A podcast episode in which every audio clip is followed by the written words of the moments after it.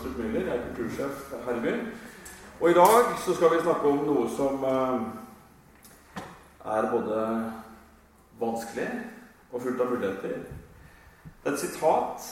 Eh, kanskje er det sånn at verden må gå under for at en ny verden skal kunne oppstå. Det der dukker opp i en bok om islandske drukningsulykker Eh, Jon Kalman Stefansson, 'Himmelriket og helvete', som sikkert mange her i salen har lest allerede.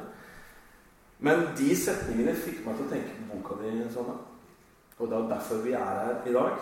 Skilsmisseboken. Sanne Søremann.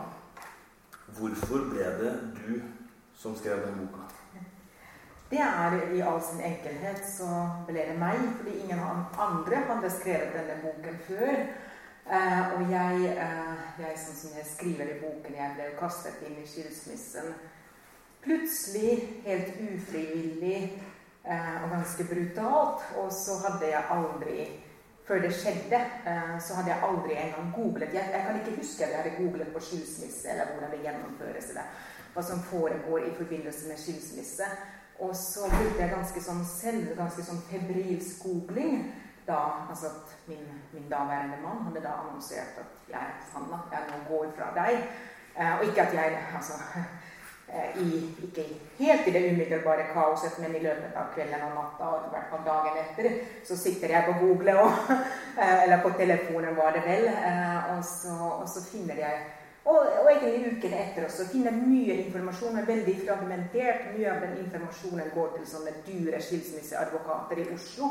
Og jeg er jo en eh, gammel, eh, avdanket akademiker, så jeg har litt sånn akademisk tilnærming til ting. At jeg skulle gjerne hatt liksom skilsmissebibelen som forteller til meg hva som skjer nå.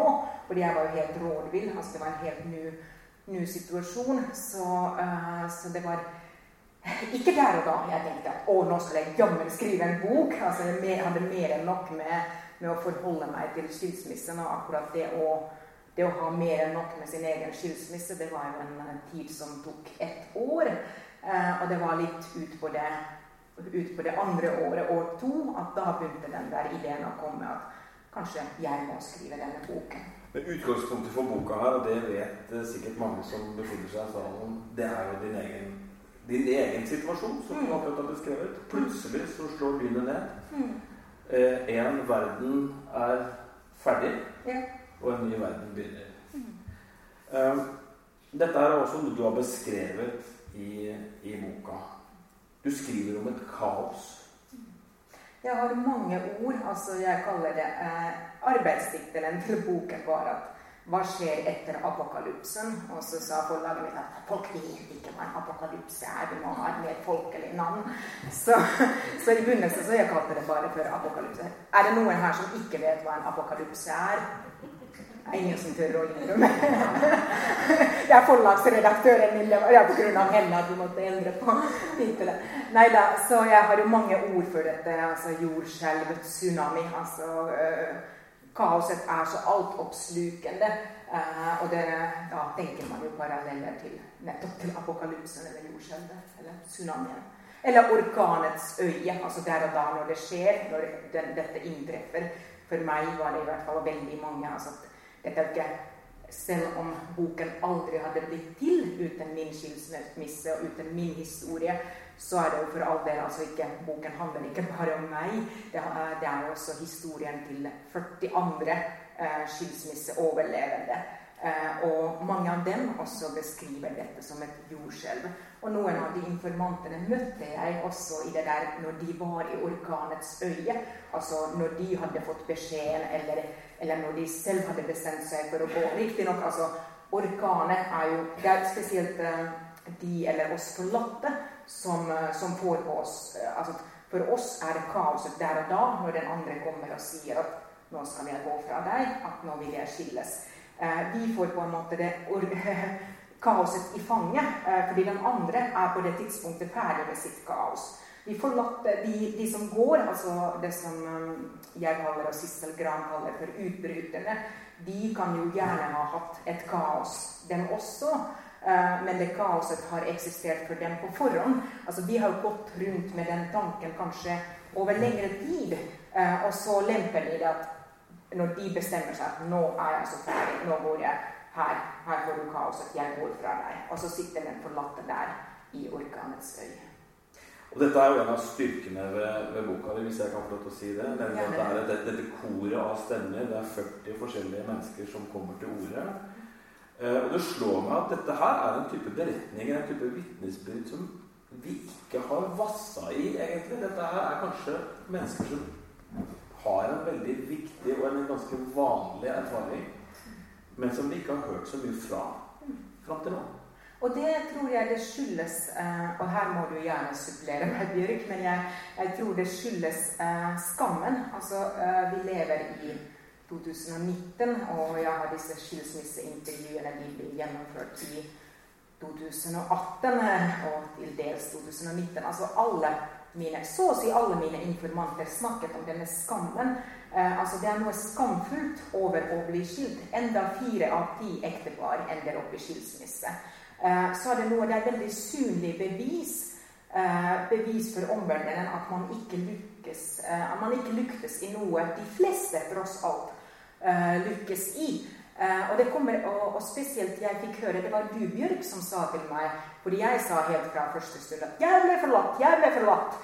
Og for meg var det egentlig for meg var det min egen coping-mekanisme for å motarbeide skam. Altså jeg tenker her i småbyen Lillehammer veldig mange har et gjerne et elsker- eller hat-forhold til meg. Og jeg tenkte at min skilsmisse det ville bli den mest baksnakker skilsmissen i byen. Så jeg må liksom komme ut med min historie.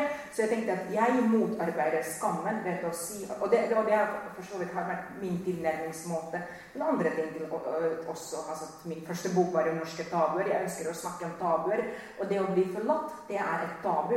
Uh, fordi det er jo en direkte beskjed om at du er ikke bra nok. Og spesielt når den som går Eh, går til en annen som gjør, det, gjør oss enda mer sårbare, eller enda mer eh, enda mindre bra nok, eller enda verre. Altså at jeg er ikke bra nok, men hun der, hun er da liksom mye bedre. Men kan ikke du si noe klokt? Vi skal snart, vi skal snart introdusere henne. Vi har en liten plan her. Men det er jo viktig, da vi har fått etablert det allerede, at du får denne skilsmissen i fanget. Du blir forlatt. Sånn. Så er det bomba. Og så må du finne ut hva betyr dette økonomisk, forsikringsmessig, i det hele tatt.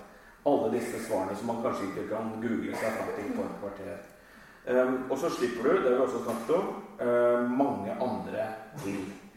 Men i denne boka, utgangspunktet for boka og den historien du forteller, den er jo veldig personlig, veldig privat. Du skriver mye om din egen skam. Mm. Har det vært ting som du føler at du ikke kunne ha med her, som du gjerne skulle ha fortalt, men som allikevel ikke gjør seg offentligheten? Uh, altså, det er mange ting som jeg har utelatt ikke pga. min egen skam, uh, men fordi jeg har barn, og fordi det er liksom andre mennesker uh, inne i bildet uh, som kanskje Altså, jeg er jo veldig utleverende på egne vegne, men jeg forsøker å ikke være utleverende på andres vegne.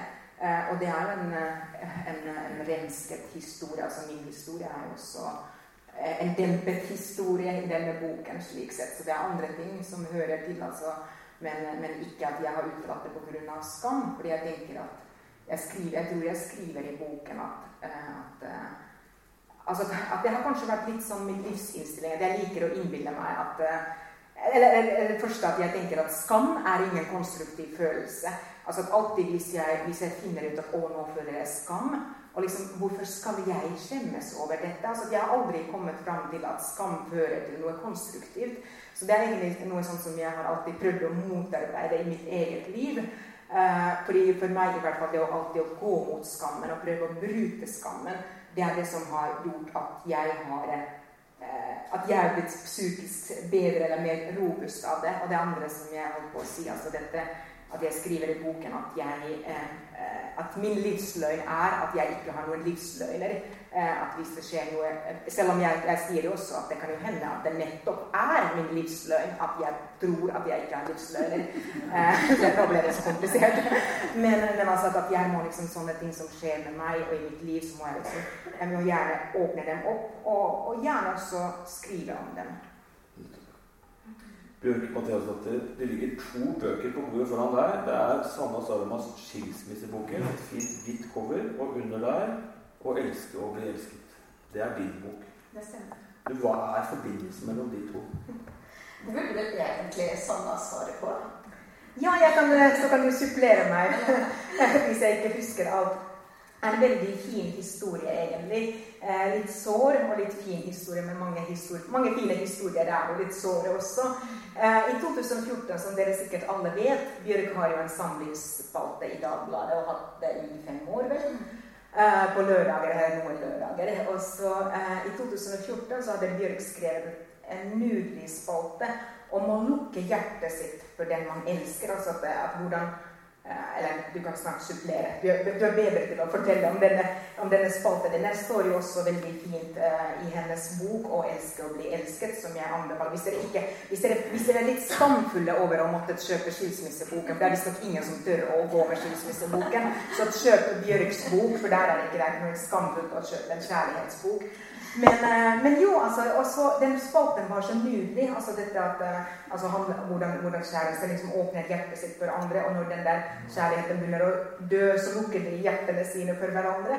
Og den spalten var nydelig skrevet ved regelen, og så viste jeg til mannen min til daværende mannen og se at det er da så nydelig spalt at du må lese denne. Og så sier min mann da, og året er altså 2014, dette er et par år før skilsmisse ja, men jeg har jo lukket hjertet mitt for deg. Og jeg bare Fy faen. Liksom, jeg bare, ja, nei, altså, det var sånn øh, men, men, det er jo altså, det, det, hos han hadde sikkert den der, den der utviklingen, altså den, den som utbryteren har, den utviklingen hadde startet. Altså at han hadde begynt å lukke sitt hjerte for meg. Og kanskje begynt å åpne det for en annen, men det er en annen historie. Uh, så, uh, men, men uansett, da, begynte, da sendte jeg en, en messengermelding til Bjørg. Eh, altså Jeg følte meg litt som gjøker. altså liksom Ta kontakt med kjendiser. altså Det er, det er jo egentlig ikke, ikke lik meg. Det er sånn forresten når utsendte folk tar kontakt med meg nå, de, de sagt til at 'jeg gjør vanligvis ikke det'. Det er liksom som åpning jeg, Eller jeg gjør vanligvis ikke det, men jeg gjorde det nå den gangen. At jeg sendte og takket deg for spalten, og så sa jeg til Bjørk at det ble skikkelig sånn øh, øyeåpner, eller at, at, nå, må jeg liksom, nå må jeg jobbe her, nå må jeg jobbe for ekteskapet mitt. Så, eh, men det, det, virkelig morsomme var jo at da jeg hadde skrevet dette, og så svarte Bjørg til meg og så svarte Bjørk til meg eh, med en melding hvor det var en feil med åg og å. Og jeg var bare, ja, og jeg var bare helt, jeg helt lamslått at hun som hadde skrevet den spalten, kunne gjøre en feil med åg og å. Jeg, jeg, var, jeg, var, så sjokkert. Jeg var mer sjokkert over den feilen enn over at mannen min følte at, hadde, at, at han hadde lukket hjertet sitt for meg. Men anyway Mye på en gang, dette her. Men nå kommer den beste, beste delen. Og, og jeg er jo litt snill, faktisk. Så jeg svarte ikke 'fy faen, nå gjorde du en å-å-feil'. At skam deg. Eh, jeg faktisk satt på fingrene mine sånn, sånn at jeg ikke skulle gjøre det. Sånn at jeg ikke skulle påpeke denne stygge, stygge feilen. Eh, og jeg gjorde ikke det. Og da kommer det en ny melding fra Bjørk. 'Å, jeg har gjort en å-å-feil. Jeg gjør dem aldri', skriver hun. Og da ble vi jo bestevenner. Eh, kan dere liksom Da skjønte at å, vi er to tvillingsjeler. Det som var gøy, var at jeg kjente deg jo ikke da, og jeg visste jo ikke at du virkelig tenkte på å gå feil. Men jeg er jo også gammel eh, norsklærer for lenge, siden, så jeg vil jo helst heller ikke gjøre Åge her Det var litt av det samme greiene. Så da møttes vi. Tvillingsjeler i, i, i ofte være opptatt av det. Men når du sier det samme med, med det hjertet, så handler jo den teksten også veldig mye om noe som jeg tror gjelder oss alle på mange måter. At vi, de fleste av oss vi ønsker jo å finne oss noen å leve sammen med, noen å være glad i, noen som er glad i oss. Og så finner vi dette hjertet, kalles ikke sant? Og jeg sammenlignet det med at jeg fant en stein på stranda i Hellas som jeg holdt på å kaste ut i vannet. Og akkurat idet jeg holdt på å kaste den, så kjente jeg at det var en sånn spesiell form på den. Og så så jeg Oi, det var et hjerte. Og da tok jeg med den steinen igjen, og så la jeg den på et fat. Og så tente jeg et lys. Jeg passet liksom på den steinen. Tenkte den var så fin. Men så gikk det mange år.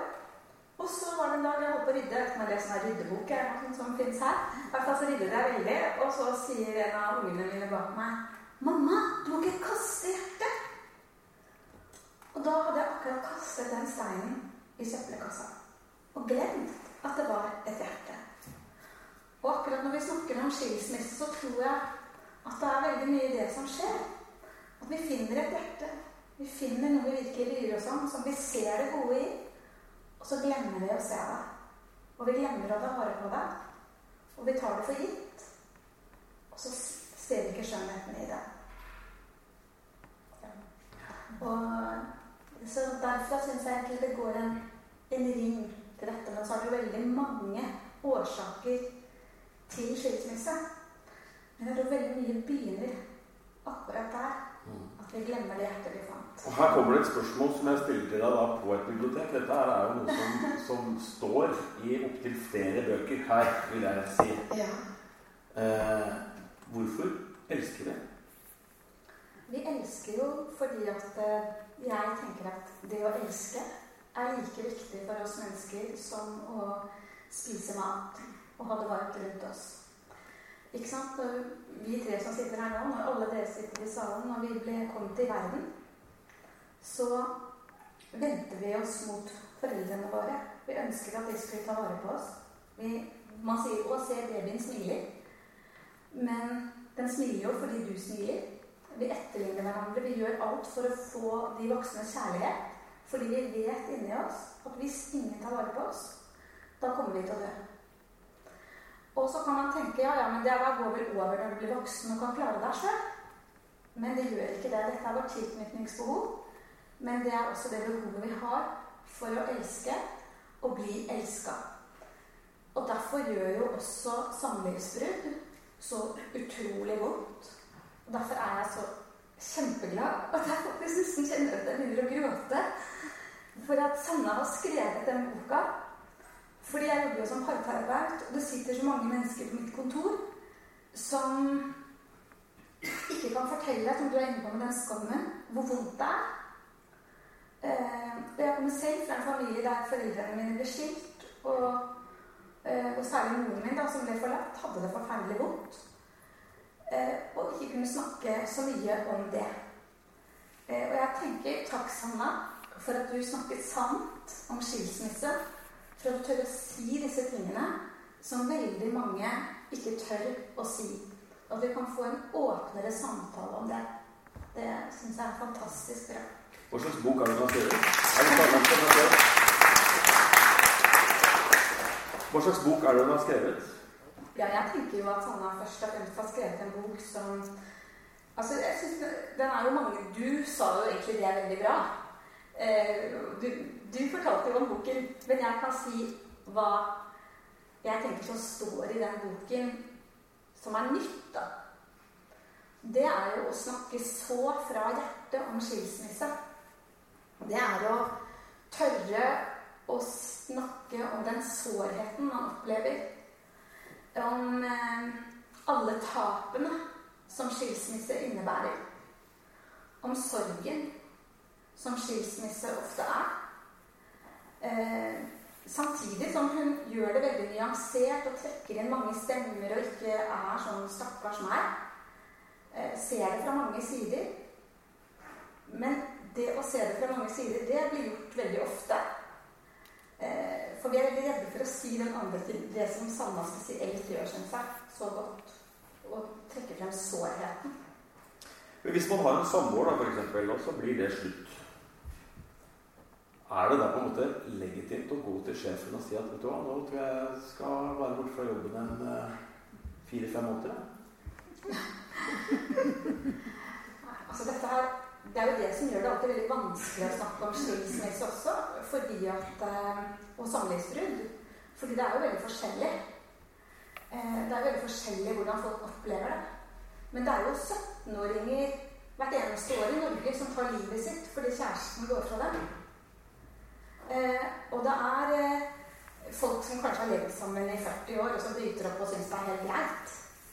Sånn at du Det er på en måte ikke akkurat så stor er sorgen at den kvalifiserer til fem måneders sykemelding.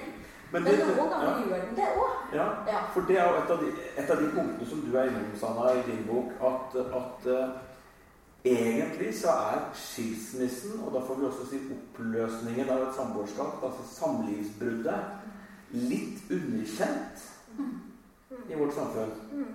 For at det er så vanlig, på en måte. Ja. Uh, og det er jo vanlig. altså Folk skiller seg uh, på alle bauger og kanter. altså Vi er alle pårørende. Hvis vi ikke er skilt selv eller skilsmissebarn, så har vi i hvert fall pårørende til andres skilsmisser. Uh, og det er jo Vi kan godt Jeg skriver i boken at vi kan, altså vi kan godt si at skilsmisse er vanlig. Men for den som møter den, eller må gjennomgå den, så er det en livskrise. Og for den personen er det ytterst uvanlig og skjer kanskje bare, bare én gang i livet. Eh, og det er noe med altså, dette med eh, legitimiteten, altså legitimiteten med sykmeldingen og legitimiteten med sorgen. Jeg tror eh, veldig mange eh, skilte blir sykmeldt.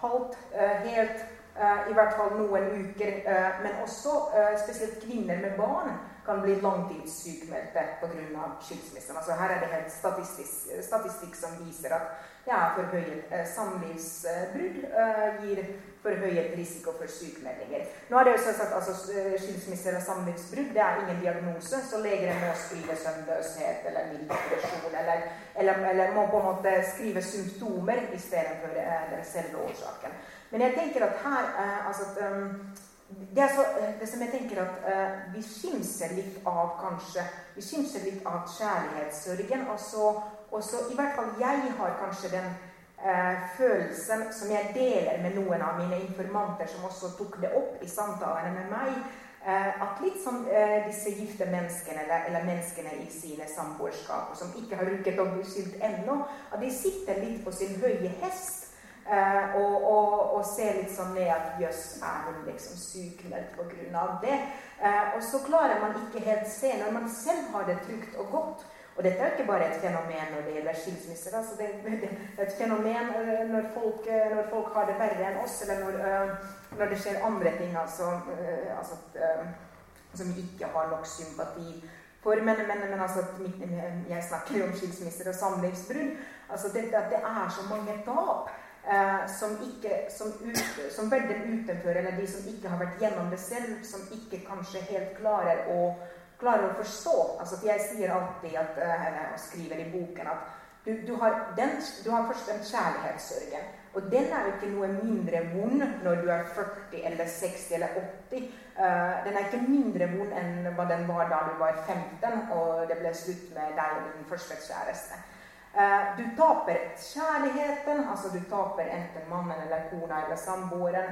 Eh, og så taper du du taper familien, altså de som har barn, taper familieprosjektet, kjernefamilien. Det er enda et tap. Og noen ganger er det veldig vanskelig. Sånn som jeg personlig, jeg kunne ikke alltid si at sørger jeg nå?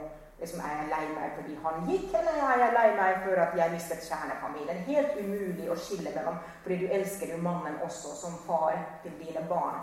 Eh, så det er liksom mannen eller kona, og så er det familien. Og så veldig mange må selge hus og hytte, må begynne på, må begynne på nytt der også. Altså mister hjemmet sitt også.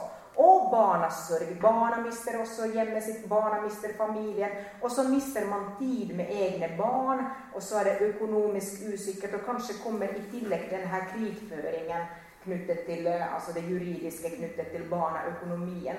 Uh, og kanskje i verste fall, det som er det verste, og dette kan jo Bjørk snakke litt mer om altså, uh, fordi noen av hennes eh, første meldinger til meg i apokalypsen var jo at, at, det er viktig at du ikke mister kjærlighetstroen og kjærlighetshåpet og kjærlighetsevnen. fordi det er jo dem går det verst med, de som ikke lenger klarer, de som blir sånn desillusjonerte. At de ikke lenger klarer å tro på at det finnes kjærlighet for dem også. Men her liksom, jeg tror jeg ramset og noen taper hunden også og sørger over det. Jeg har en dame i boka som kjempet eh, for hunden sin gjennom tre rettsinstanser. Og uh, heldigvis fikk hun hunden tilbake, men det kostet henne 150 000. Men, men uansett, altså, det er mange tap, og alle de tapene kommer samtidig. Uh, og, uh, og, jeg var også sykmeldt ganske lenge, altså som av og på og halvt. og, men og, og, og, jeg tenker at det er faktisk ikke det er ikke underlig når, når det er på en måte, det er så altoppslukende, eller det er så gjennomgående. Da er sånn i, i psykologiens verden så er det sånn at alle forandringer i livet har en slags eh, en, en sum. Husker ikke jeg summen for alle tingene. Til og med hvis du altså, flytter til et nytt hus du har lyst, lyst til å flytte eller du gifter deg, så er det for en ny jobb, så er det en forandring som stresser deg. Så i en skilsmissesituasjon så er det jo også forandringer du ikke ønsker for veldig mange. da. De som velger å bryte ut, er det en forandring som er ønsket, men allikevel Eh, så er den ofte veldig tappende og slitsom. Eh, og da kan du tenke, når du legger alle disse oppå hverandre, så får du en veldig veldig høy sum. Og jo høyere sum du sånn får, jo større sjanse har vi rett og slett for å bli fysisk syke også.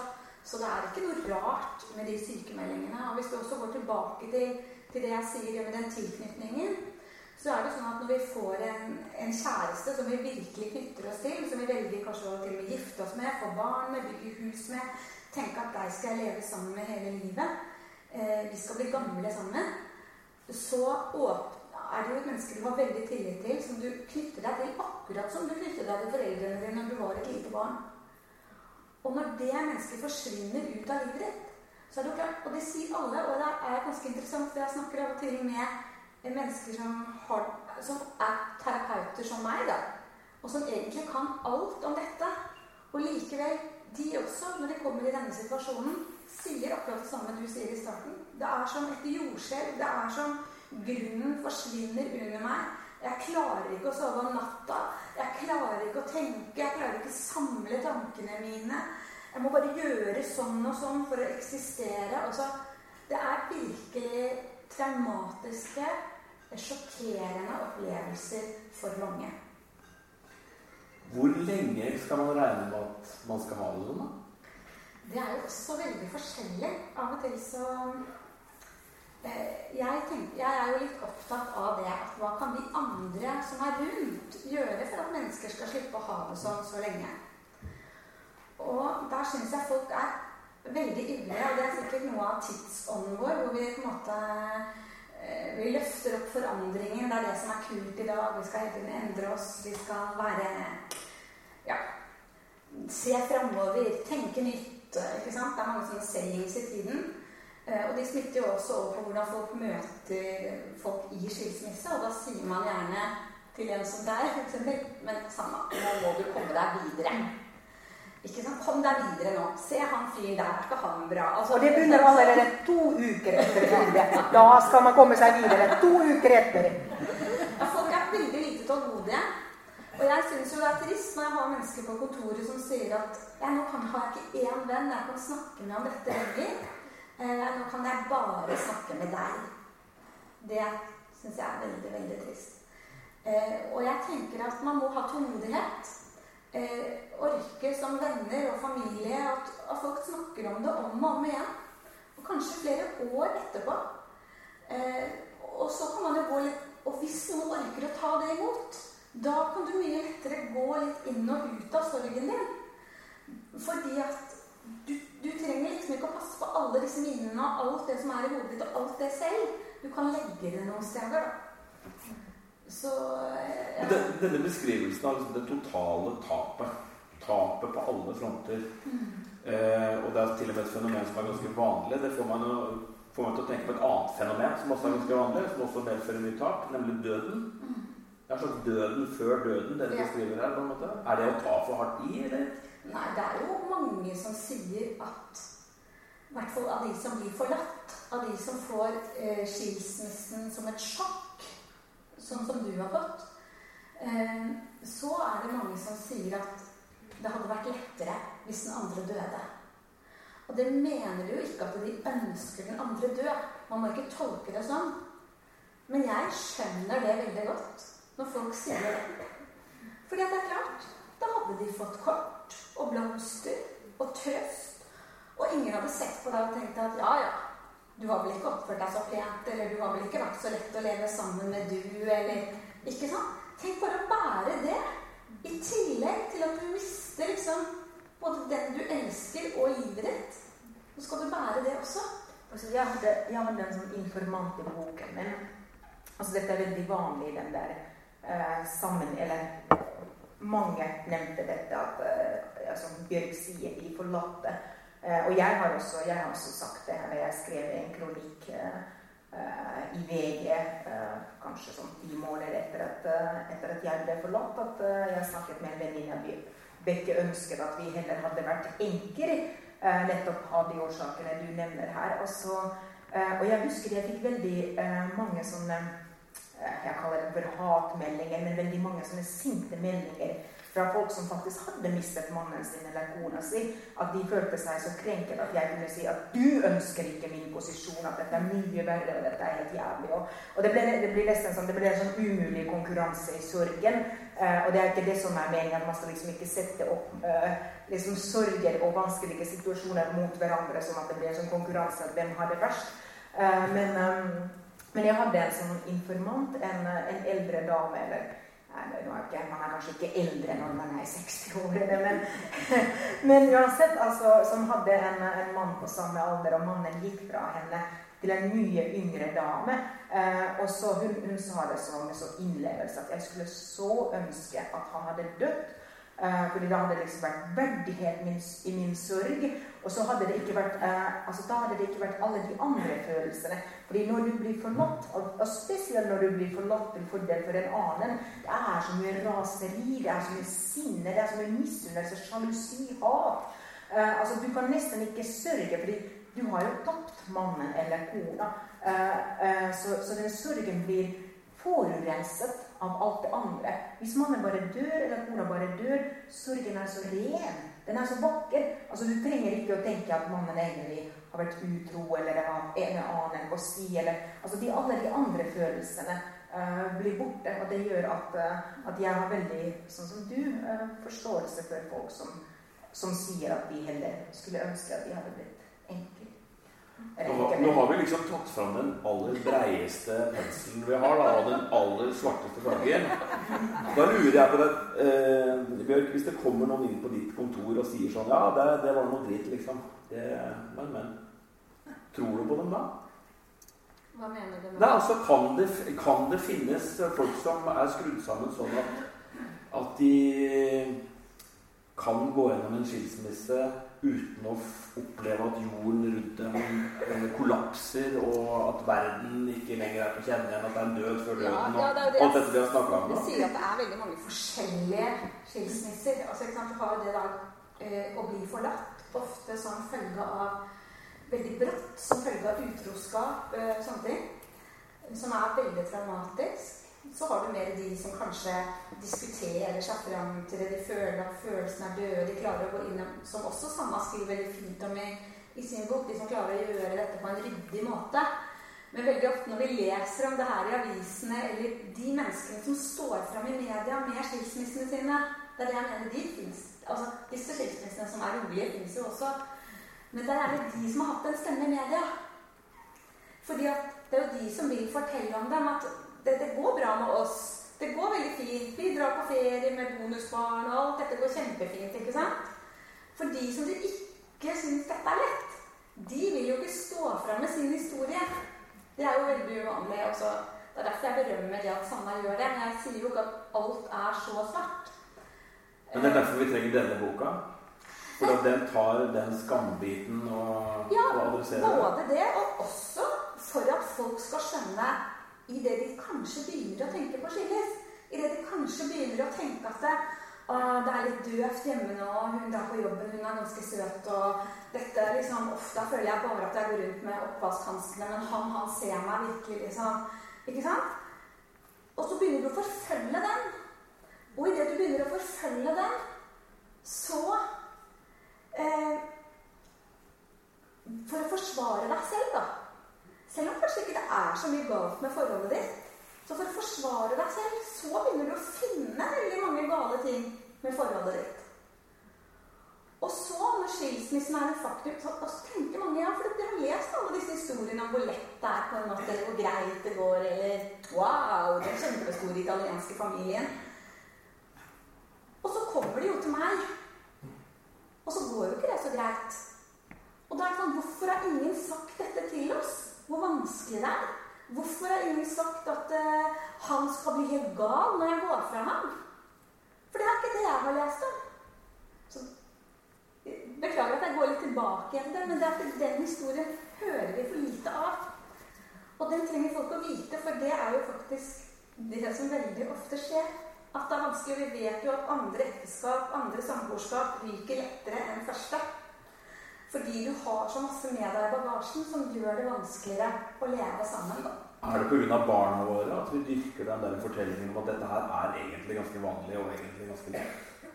Jeg vet ikke, jeg, jeg, tror også at vi For da vil jo det valget vi tar, være mindre dramatisk overfor dem. Ja, det er helt sant. Ja. Da er det lov å være litt mer ego. Mm. Ja, det husker jeg Det er sikkert feil ord å bruke i den sammenhengen. Ja, men mine foreldre ble jo eh, skilt på slutten av 70-tallet, og det var liksom da dette her kom, og da var det sånn Å, du må være kjempeglad! Du får liksom nye søsken, du får nye Jeg var ikke kjempeglad. eh, men jeg turte jo ikke å si det. Jeg turte jo ikke å fortelle om sorgen min. Um, og det var voksne som sa til meg at du må ikke være så lei deg, faren din er jo ikke død. Men det som var faren min, var ikke død, og det er jeg veldig glad for i dag. Men familien min var død. Det vi-et vi var, det var dødt. Det satt aldri fem mennesker rundt vårt middagsbord lenger. Det satt ikke fem stykker og så på TV. Alt det som var den dynamikken Det har sikkert du opplevd òg. Den dynamikken når du og mannen din satt og snakket, og barna, den får jo ikke de høre. Og det er så mange sånne ting man ikke tenker over. Jeg mener ikke at alle ekteskap og forhold for enhver pris skal bevares. Det mener jeg virkelig ikke. Men jeg tror det er mange sånne ting vi ikke tenker over. Men heldigvis så er det faktisk sånn at 75% av alle norske barn lever sammen med sine foreldre til de blir voksne. Og vi vet også, det er helt ny forskning nå, eh, som egentlig overrasket meg. For jeg har trodd at kanskje samlivsbrudd er lettere hvis det skjer når barnet er sånn to år og sånn. For det er ikke vant til noe annet. Men det viser seg at, eh, at jo eldre du er når foreldrene dine blir skilt, jo bedre går det med deg. Og det lurer jeg på om det kan være fordi det er såpass tøft og hardt å vokse opp i stefamilie, vokse opp med å bytte bosted, vokse opp øh, sånn, da. Mm. Jeg, jeg, jeg, tenkte på en ting da du snakka om de allmennmenneskelige behovene vi har for å bli elsket. Dette med barnets blikk på sine foreldre. Spedbarnets blikk. Dette som følger oss gjennom hele livet. Og så tenker jeg liksom på sånn gardkjerring oppe i Gudbrandsdalen på 1700-tallet. Og hva slags forventninger hun eventuelt har i sitt liv til å bli liksom bergtatt av mannen sin. Forventer vi for mye av livet? Ja, men der tror jeg at du, at du kanskje er inne på noe veldig viktig. For det der barnets blikk, eller det barnet, det er jo det å bli holdt. Og idet den andre går fra deg, da blir du ikke holdt mer. Og det er derfor du føler denne tsunamien, dette jordskjelvet. Du blir ikke holdt, ikke sant? Og hvis vi kunne skjønne at det er faktisk det vi trenger fra hverandre, å bli holdt Men i stedet så hauses vi opp i ukeblader og alt mulig sånn det livet det skal, være, det skal være mer. Det skal være helt den der magiske og bergtagingen og oh, 'Du er så sexy i dag.' Ikke sant? Og så når det ikke er sånn, da er det veldig lett å liksom la seg friste inn i det. Og vi er mye på jobben. Vi er mye og der er vi mye med sexy. Altså, der er det kantiner og alt mulig. Ta på fine klær og sånn. Hjemme så sitter folk med den Toro-suppa, de forter seg ut på trening, og det er bare sånn mas for mange. Så liksom Men hvis vi bare skjønte hvor mye det betyr for oss å bli holdt, og vi klarte å svare ja, jeg holder deg. Jeg er her for deg, jeg holder deg. Det er mitt budskap. For et par dager siden så var det en, en kronikk i Ytring på NRK som tok utgangspunkt i, i, i din bok, Sanna, uh, hvor overskriften egentlig var, eller poenget var Kanskje vi gjør dette litt for lett for oss sjøl. Kanskje vi ikke prøver nok. Er det liksom eh, et greit budskap å bringe til torgs? Man skal jo heller ikke påføre folk skam. ikke sant? Men kan det være noe i det? At vi gir opp litt for lett? Du har jo Nei, jeg synes, fordi jeg tror, Hvis jeg husker riktig i boken min, så refererer jeg faktisk deg. Eh, når du, altså du er jo en av de selv om er det ikke slik at samlivsterapi i seg selv det er ikke noe som formålsparagraf at det skal føre til at folk nødvendigvis holder sammen. Altså Det kan like gjerne føre til skilsmisse. Men du har jo faktisk sagt at folk skiller seg for lett. Eller siterer jeg deg litt før ja, Det er jo sånt som er kjempefarlig å si. Nettopp fordi at du da legger sten til dybden. Og det er jo mange som ikke gjør det for lett òg. Altså, det er jo folk som holder ut i ekstremt vanskelige forhold altfor lenge. Så jeg er ikke så veldig glad i å uttale meg så kategorisk.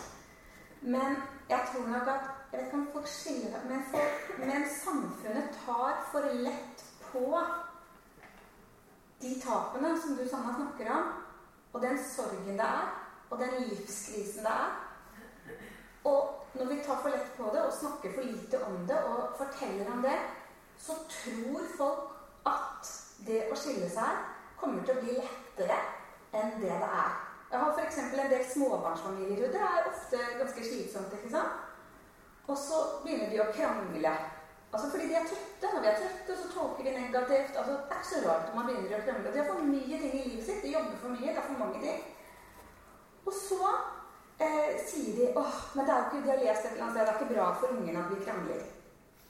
Så derfor er det kanskje bedre for dem at vi går fra hverandre. Det er en sånn saying.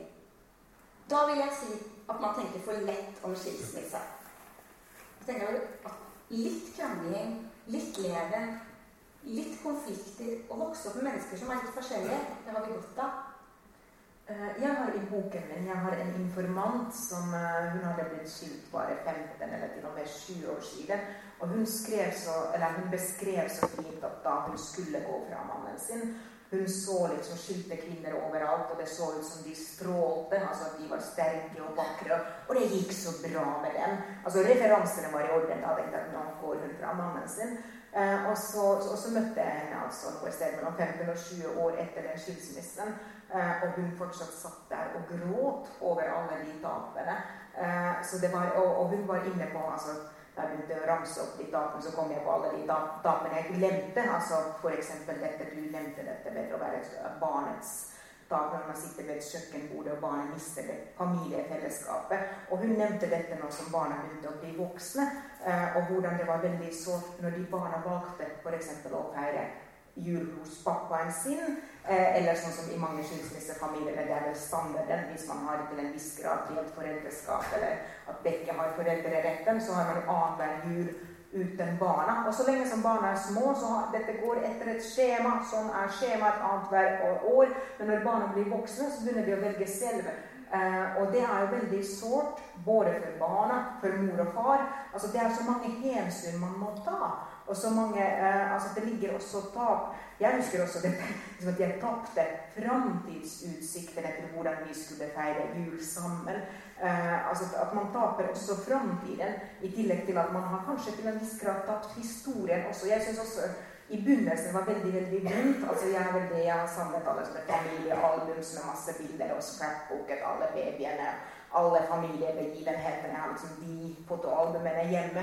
Uh, og jeg kunne ikke, altså På ett år så kunne jeg ikke se på dem. Heldigvis gjorde jeg ikke noe dumt. altså, for Jeg har en informant i boka som hadde klippet ut mannen sin fra alle, alle bildene. Uh, der har jeg forresten et hett tips Eh, for neste runde at eh, hvis dere blir gift på nytt, husk å plassere den nye ektefellen ytterst til høyre eller venstre på bildene, så er det lett å ta ham vekk. Du har, en, eh, du har også en annen informant her som forteller en helt annen historie. Ikke vent for lenge med å skille deg. Det er tipset fra han. Så her er det litt sånn sprikende ja, ja, ja. ekspertise. Og du var inne på altså, det som jeg ikke fikk sagt ennå. Altså, det er, ikke, det er ikke bare de dødsvonde bruddene som kommer fram eh, i boken. Altså, jeg, uh, jeg, tror uh, første kapittel heter at det finnes ikke synkroniserte brudd. Altså Veldig sjelden finner man ut samtidig at vi ønsker å skilles. Det er alltid en viss utakt. jo større den utakten, dess mer dramatisk blir antageligvis skilsmissen. Men jeg har også et kapittel som heter 'Happy Divorce'. altså ikke at Jeg skal ikke markedsføre konseptet lykkelig skilsmisse, for det finnes egentlig ikke. For alle skilsmisser, selv de vellykkede, de gode skilsmissene, også de inneholder tap og såre følelser. Eh, men han, eh, han mannen eh, som sa at ikke vent for lenge med å, med å skilles, eh, var jo litt inne på dette at hvis, du, hvis, du, eh, hvis, hvis forholdet er helt, helt rævkjørt, eh, så blir jo, altså, jo skilsmissen kanskje innmari stygg at hvis man klarer på en måte litt før trekke seg ut eller bli skilt, så klarer man kanskje å gjøre det mer dannet. Men, men her er det, det er jo altså store individuelle, individuelle variasjoner. Og det har det vært eh, siden 1600-tallet. Legg merke til den elegante overgangen der. Eh, det, har vært, eh, det har vært skilsmisser i Norge i 400 år. Eh, 1600- og 1700-tallet. Og eh, du skriver Jeg syns det var superinteressant, eh, egentlig. du skriver om eh, Nora og Helmers skilsmisse i et uke igjen. Henrik Ibsen. Det var for øvrig da færre skilsmisser i Norge da han skrev det, enn det var i Norge på 1700-tallet. Så dette er noe som har gått litt i bølger. Men du skriver eh, skilsmisseeksplosjonen kan ses i lys av fremveksten av den nordiske velferdsstaten på 70-tallet. I Nordals på Helmers tid var skilsmisse noe som kunne forekomme i den økonomiske og kulturelle eliten, og den var veldig liten. Ehm, til tross for at skilsmisse var relativt uvanlig i begynnelsen av 1900-tallet, hadde mange høyinntektsgrupper som jurister, journalister og ingeniører skilsmissetall som tilsvarer det man finner for hele befolkningen i dag. Og at perioder med kraftig økning i antall skilsmisser sammenfaller med tidspunktene hvor velferdsstaten utvikler seg mest. Og så snur du det der, som egentlig er litt sånn kanskje kjedelig og sånn uh, samfunnsøkonomisk, til å bli en slags Eh, feiring av kjærligheten. Eh, nå har jeg bladd litt, men du skriver mot slutten her eh, denne boka er ikke bare for de skilte, dette er også en bok for de gifte. Og jeg mener for all del ikke at alle blir eller bør bli skilt, men jeg tenker at alle bør ta høyde for det. Spesielt økonomien bør innrettes slik at man når som helst enten kan gå eller bli kastet ut av samlivet. Det er faktisk et vakkert og feministisk prinsipp. Det høres grusomt ut, men er egentlig veldig romantisk. Jeg er sammen for deg fordi jeg elsker deg, ikke fordi jeg trenger deg og pengene dine. Og dette handler jo ikke sant, om økonomisk frihet, om velferdsstaten. At folk i Brasil og Uruguay og Sør-Korea ikke nødvendigvis har bedre fungerende ekteskap enn våre. Det er bare at de har ikke noe valg. Særlig kvinner. Så det er et økonomisk komponent her også. Og det er jo eh, og det er litt sånn eh, Jeg har alltid vært, eh, som jeg skriver i boken også, jeg har alltid vært veldig erklært feminist, men sånn som min eksmann sa til meg så treffer at du er bare sånn teoretisk feminist. Og han hadde jo rett. Fordi jeg ble jo så skilt sånn at jeg hadde en, bare et 50% arbeid. Altså jeg hadde jo frivillig satt meg i den posisjonen som veldig mange norske kvinner, altså For å være helt eksakt så tror jeg det er 37% av den kvinnelige arbeidsstyrken jobber deltid. Eh, og man har veldig, altså Nå i valgkamptider så har man veldig mye fokus på ufrivillig deltid. Men det meste av det deltidsarbeidet er jo frivillig. Altså Jeg også tok det valget helt frivillig. altså for altså Min uh, familierasjonalitet var større enn min jobbrasjonalitet. Og så tenkte jeg at mannen har en viktigere karriere. Og det har jo menn alltid. De har alltid en viktigere karriere enn kvinnen. Eh, og, så, eh, og, så, ble jeg også skilt i en situasjon hvor jeg hadde bare en 50% jobb. Og, og, jeg har faktisk ikke hatt mer enn det etterpå heller. Altså, og, og, det som var litt sånn, fordi jeg, Det første jeg gjorde, var, eller noe av det første jeg gjorde i dette kaoset, var at kunne jeg da få dagpenger for den 50 som jeg ikke jobbet? Men det var jeg ikke berettiget til, siden min 50 eh, var frivillig. Så jeg måtte klare meg med, eh, med det der 50% arbeidet. Og så, eh, her i distriktet, altså, det var jo ikke bare bare å finne en større, større jobb eller flere jobber, så jeg har egentlig fortsatt å jobbe, jobbe del, delvis, delvis ufrivillig.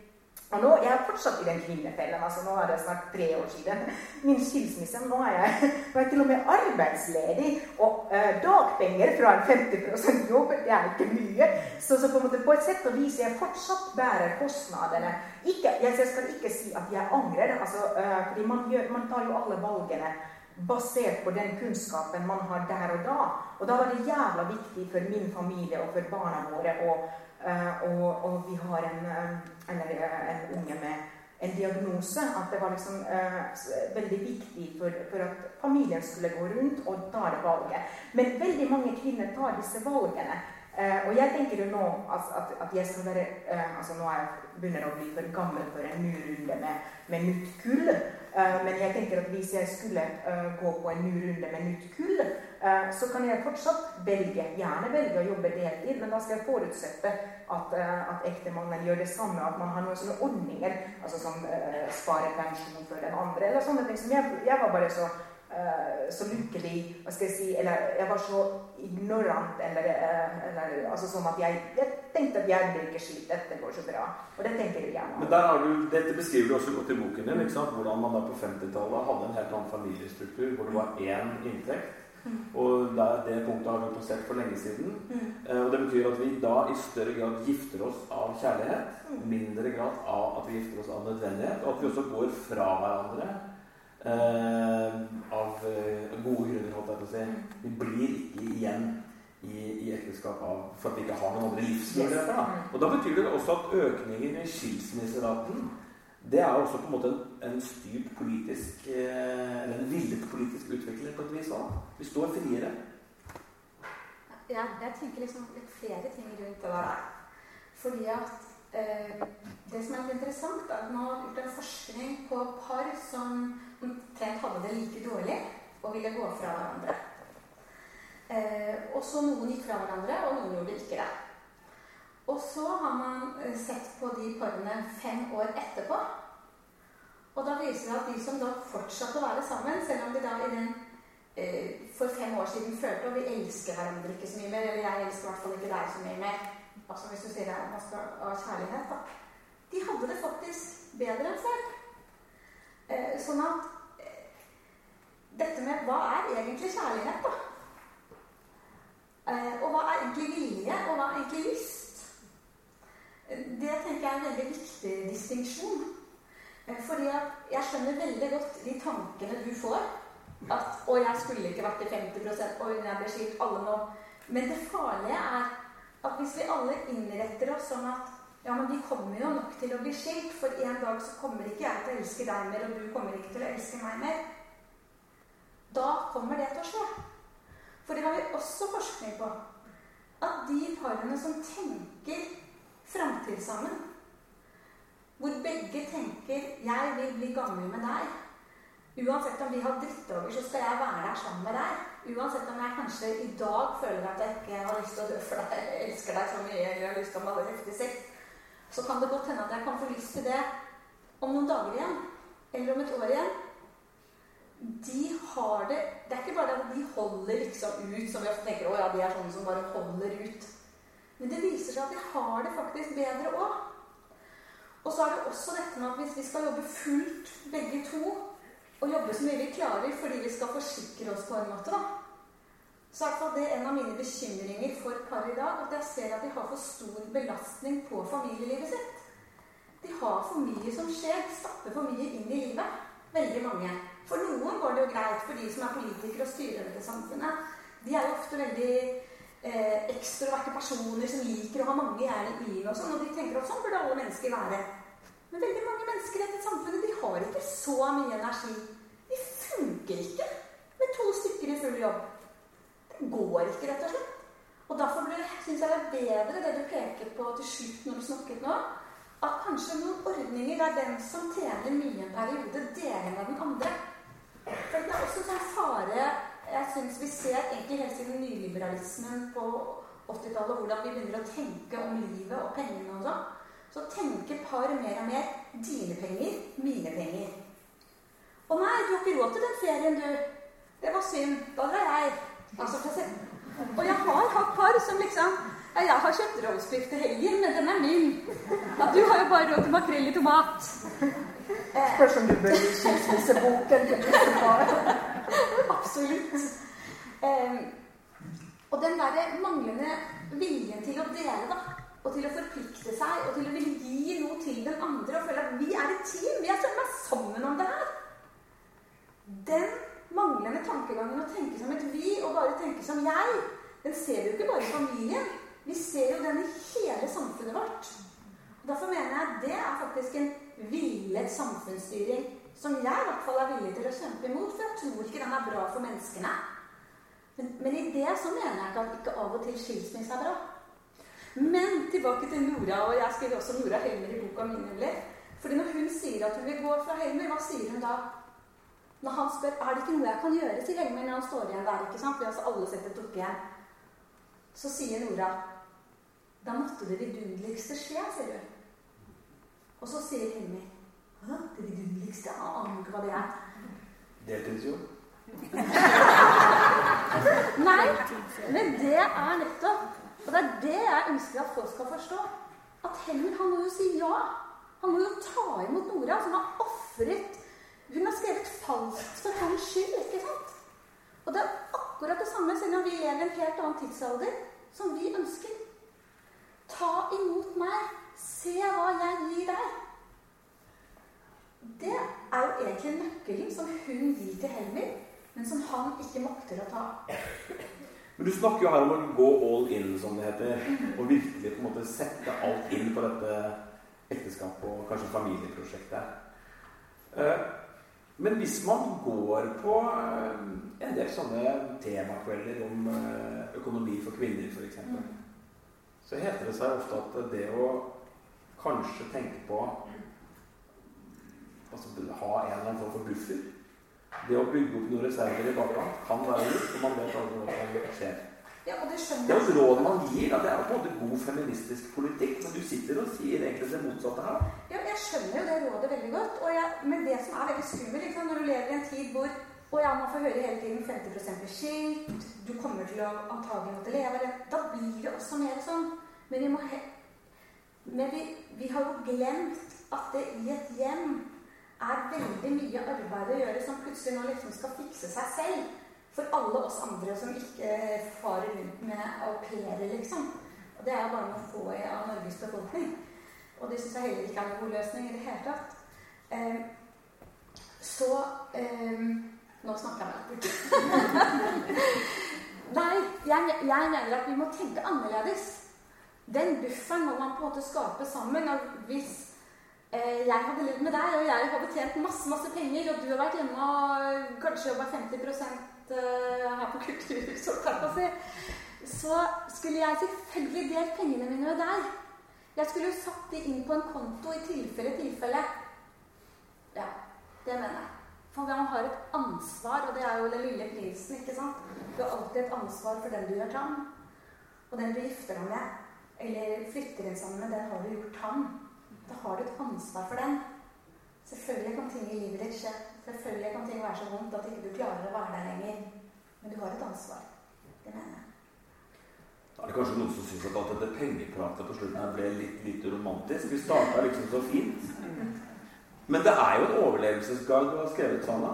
Du har skrevet en bok som er ment som en innføring i hvordan man skal orientere seg i det kaoset som, som du opplevde.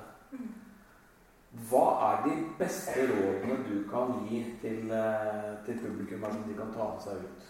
Um, jeg vil først si at uh, hvert kapittel i boken avsluttes med gode råd fra erfarne skilsmissefolk. Uh, så der, der kommer det spesifikke råd som går på de kapitlene. Altså enten om det er den store sorgen som inntreffer, eller om det er det praktiske. Uh, altså, fordi man må jo klare seg alene etter at man har vært to. Eller så er det andre typer råd som går på økonomi og juridikk. Eh, Men jeg tenker at det er litt avhengig av hvor man er. Hvis man er i, midt i jordskjelvet, hvis, hvis jeg har akkurat uh, uh, truffet deg, så tenker jeg at kanskje det, det beste rådet jeg fikk, uh, som jeg også levde etter, var jo at altså at ikke la, altså Det er veldig mye sorg, og det er veldig mye kaos. Eh, og man kan ikke, når det er veldig vondt Og dette gjelder for alle typer sorger og kaoser. Eh, altså når det, er, når det, er, så mørkt og vanskelig, så klarer man jo ikke å fjerne det mørke og det vanskelige, det som man egentlig aller helst vil. Eh, men kan, man kan løfte småting eh, ved siden av det mørke og det vanskelige. Eh, og, eh, og, det kan være så bitte små ting at jeg, kaffen i dag tidlig smakte godt eh, liksom kaffe på morgenen ofte gjør, og det gjør det faktisk også selv i skilsmissen. Eh, og, og, for meg var det eh, veldig eh, avgjørende, i tillegg til de små tingene, at jeg hver eneste dag det er litt sånn, eh, dette, jeg vet dette lukter litt sånn amerikansk, at jeg begynte å holde sånn takknemlighetsdagbok. At, at, jeg skrev hver dag Eller dagbok har jeg alltid holdt, men jeg skrev tre ting som jeg var takknemlig for den dagen. Selvhjelpsteknikker, altså? Ja. ja. Og så i begynnelsen var de, de små, de var, de var kjempesmå, de tingene. De var akkurat på det der nivået at eh, kaffen smakte godt, og jeg klarte jammen å steke fiskepinner til barna. altså de er helt på, eh, på basics, på basale nivå. Og så, og så, ble de tingene etter hvert større. altså, øh, og nå Uh, og nå er det jo på en måte mye mer mye større enn en dette her. Og så tenkte jeg, Det som var så fint med den der takknemlighetsdagboken, var jo at det på sett og vis det endret hele min livsinnstilling. Altså, nå føler jeg at, eh, at jeg er sånn. Jeg er et generelt takknemlig menneske. Eh, og det er jo dette som, som vi, vi skal begynne liksom å runde av på en liksom vakker og fin måte. Eh, for jeg husker jo da jeg startet skilsmisseintervjuene, jeg, liksom jeg følte at mange av dem som hadde noen år siden sin skilsmisse. At uh, de lyste som ro og harmoni og som klokskap og varme. Jeg møtte så mange så, så kloke, vakre, varme mennesker uh, at jeg tenkte at jøss, jeg vil dit også. Uh, og nå, liksom, nå begynner jeg å føle at nei, nå er jeg der selv. Altså, jeg bare lyser av varme og takknemlighet. Og, og liksom snakker litt så varmt og raust med eksmannen at, at, takk for at de barna jeg fikk sammen med deg Og, som, og jeg har liksom gått fra liksom, at du er den drittsekken eh, til at nei, men jeg sitter her og lyser av takknemlighet. Merker dere det? Den altså, glow over meg. Men jeg håper altså, i den grad dere ikke er skilt alle sammen allerede, at dere kan få den takknemlighet altså At man behøver ikke å bli skilt for å bli takknemlig. Og du har så, Bjørg har så herlig råd, og dette går nå til dere alle som har en som venter dere hjemme.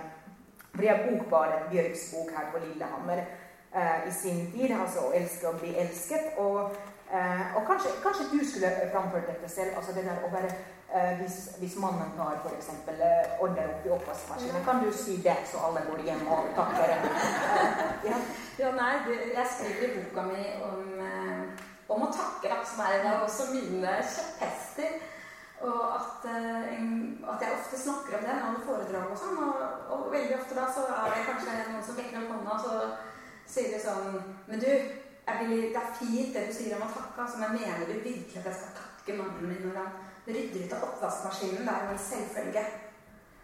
Og da pleier jeg å si at uh, ja, jeg er jo enig med deg i det, at det er en selvfølge å dele på arbeidet i et hjem. Men det er jo ingen selvfølge å ha noen å dele det arbeidet med. Og når du sier takk for de her små dagligdagse tingene, da sier du så mye mer enn takk. Da sier du 'Jeg ser deg', og takk for at du er i det her livet sammen med meg. Og, og det er jo noe som altså En sånn veldig vanlig saying om kjærlighet det er jo at kjærlighet er å gi og ta. Det har du sikkert overhørt. Og det er jeg bare så innmari uenig i. Eh, fordi jeg mener at kjærlighet har ingenting med å ta å gjøre. Det er jo å gi og ta imot som er kjærlighet. Det var det du tenkte på? Yes. Det fortjener faen meg en applaus.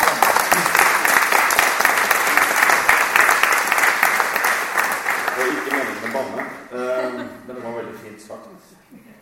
Ok, men Hvis vi oppsummerer området her, takknemligheten den har vi fått banka inn i oss nå. Ikke regn med at dette her skal gå over på et kvarter. Bruk tida til å sørge. Hvis du er en venninne eller en venn eller en bror eller en søster, noe som står rundt.